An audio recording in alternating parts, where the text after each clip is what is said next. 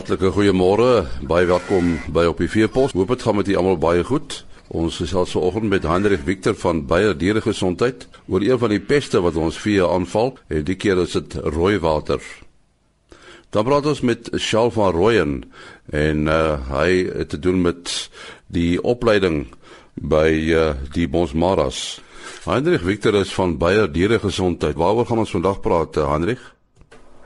En ja, goeiemôre weer een van jou en aan ons luisteraars. Kom ons gaan kyk uh, na rooi water. Nou rooi water is 'n siekte wat vir boere uh veral in ons kusgedeeltes baie baie skade kan uh berokken. Nou as ons gaan kyk na die vektor van van van rooi water, dit beteken die die ouetjie wat uh die siekte oordra na die diere toe, sien ons dat dit die blou bolsluis is. Nou ons weet dat die blou bolsluis voorkom in ons kusgedeeltes of in ons hoë reënval in die sogenaamde warm en natter uh gedeeltes van ons land. Vatbare spesies vir hierdie siekte is hoofsaaklik beeste en die veroorsakende organismes wat hierdie uh siekte oordra is 'n protozoa organisme wat beteken dit word uh of dit is gekoppel aan bloed en dit is die Babesia beginina of die Babesia bovis. Al twee van daai uh uh organismes is die veroorsakende uh probleem vir hierdie siekte dan.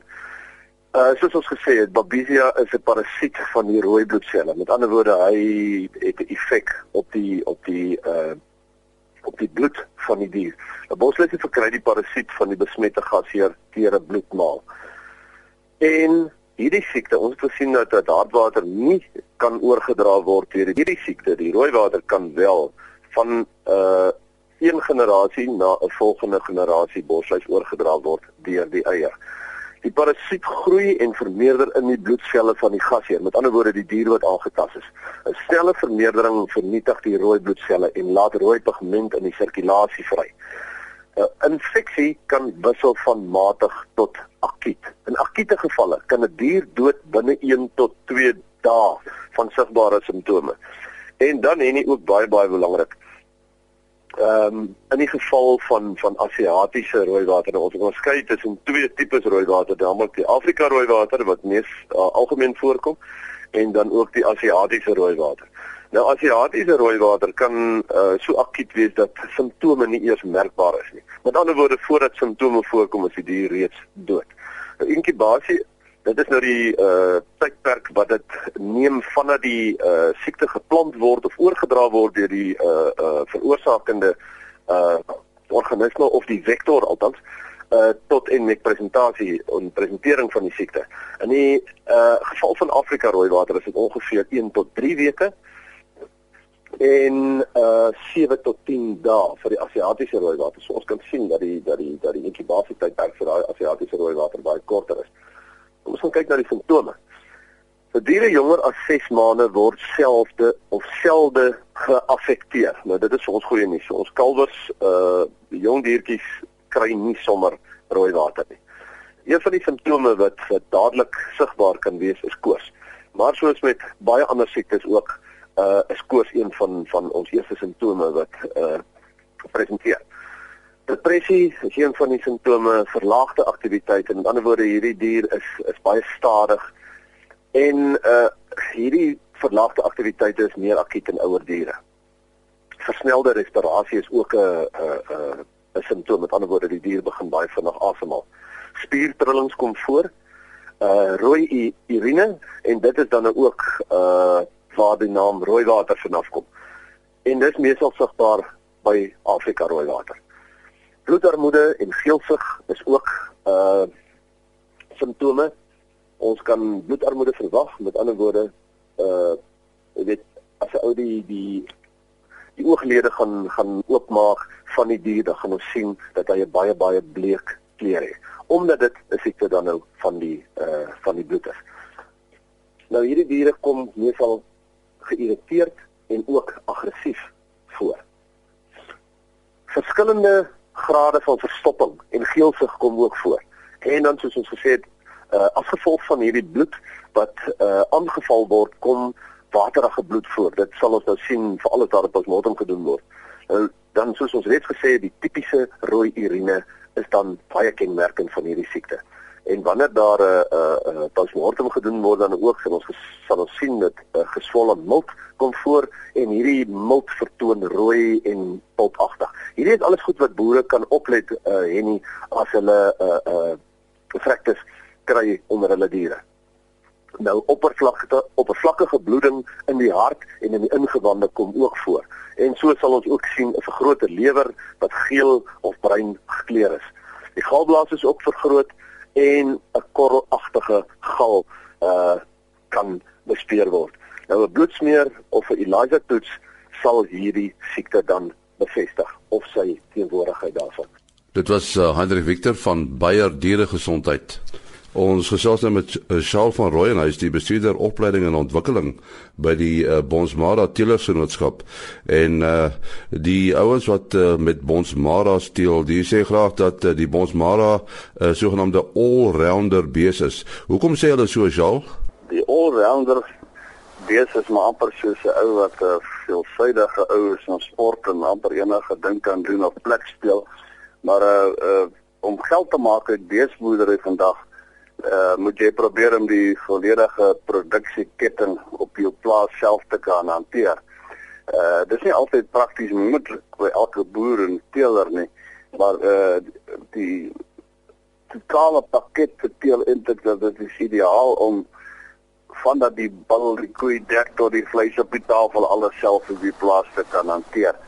Met ander woorde dit dit dit is in praktyk maar net dat jy met 'n ras moet boer wat geskik sal wees vir enige 'n produksiestelsel om op jou plaas te te, te volg. So in daar jy weet veranderinge in die in die uh bedryf sou plaasvind. Uh moet jou beseras outomaties kan reg wees om om om daarbey aan te pas. Uh so jy soek 'n ras wat vir jou 'n uh, totale uh, pakket kan bied.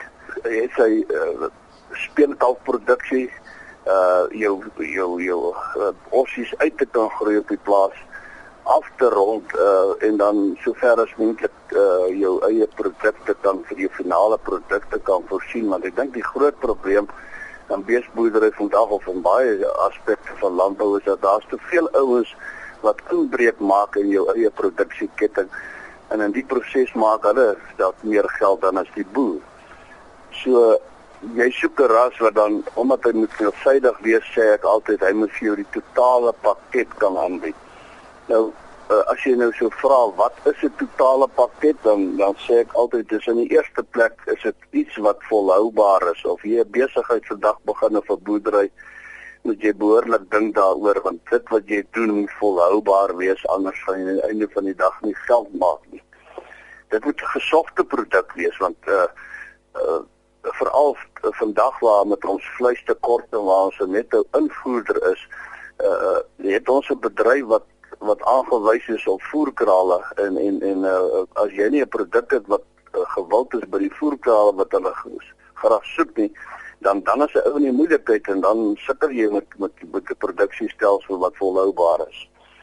Uh dan is daar natuurlik die normale goederes wat ou eintlik nie eens meer behoort oor te praat nie, soos vrugbaarheid, uh, langs lewendheid wat 'n groot voordeel is by die bonsmara uh, dit is alom bekend dat sekere van jou inheemse rasse die uh, soos onder andere bonsmara maklik 14 15 jaar oud word en of jy 'n sterk gesonde kalf uh, kan gee. Uh en dan is 'n uh, uh, ding wat uiters uh, gesog is by voerkrale uh, en by algemene boerdery is die temperament van jou beeste. Dit is een ding wat die bonsmara uh, baie streng op is is is is, is temperament. En en dan is die produk is baie gesog, die lewendige dier is baie gesog en dan natuurlik wat jou vleiskwaliteit en karkas betref, is dit een van die uitstaande kenmerke van Bosmara en soos jy self weet, uh, het ons die laaste paar jare uh, omtrent elke jaar die nasionale kampioen karkas gehad. So dit is my uh, opsomming van van die all-rounder beeste dat hy's eintlik geskik vir enige produksiestelsel uh, om om te kan volg op jou plaas en hy kan maklik omswaai van een produksiestelsel na ander toe in indien jy dit wil verkies. Nou sal as mens nou een van hierdie eienskappe moet uitsonder, sou aanpassing waarskynlik uh, die hoogste uitkom as ek reg. Ek ek ek dink so ek ek in my werk wat uh wat ek omtrent die hele land deurkruis van Zambië af tot onder in Elands Baai is ek elke dag nog uh, uh meer en meer beïndruk oor die aanpasbaarheid van hierdie bees want dit is reg wat jy sê. Uh aanpasbaarheid in hierdie hele proses van all-rounder speel 'n geweldige groot rol. En ek ek kom in gebiede, berggebiede, ek kom in uh vlei gebiede daar in Elands Baai en wêrelde wat jy integreer in die vleie kry en en die bosmara benut al hierdie goeders en dit is soos jy sê dan tereg een van die, die eienskappe wat hy nodig het vir uh vir 'n allrounder bees. Ja, ons sê baie dankie aan uh, Shaul van Rooyen van die Bosmara Tielersgenootskap. Môreoggend om 4 voor 5 is ons weer op ons pos. Ah.